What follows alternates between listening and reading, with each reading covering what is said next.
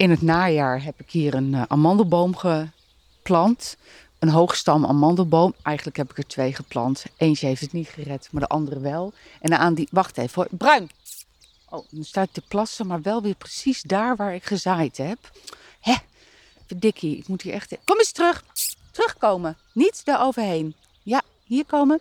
Ik was net iets aan het vertellen over de amandelboom. Want er zitten amandelen in de amandelboom. Super gaaf. Het is nog een heel klein boompje. Hij is wel hoog, maar ik bedoel, de kruin is nog echt heel klein.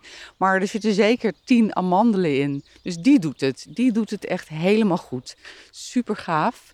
Ja, die andere, even kijken, die staat hier.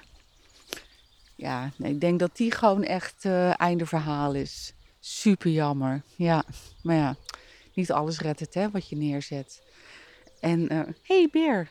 Komt de kleine beer, die komt weer aanrollen, bollen. Oh, die gaat altijd op de rug liggen als ze er aankomt. Klein dier.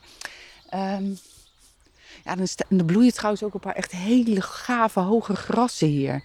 Ja, het is echt op dit moment woest en wild. En ik moet eigenlijk weer eventjes een beetje aan de slag met de zeis.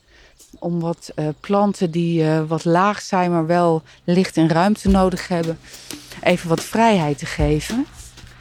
Maar nu ben ik het komende weekend, het hele weekend weg. Dus dat gaat er niet worden. Nu heb ik, ehm, eh, volgende week heb ik het niet zo druk. Dus dan ga ik dat even doen.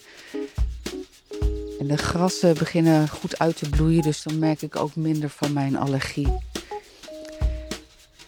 Ja.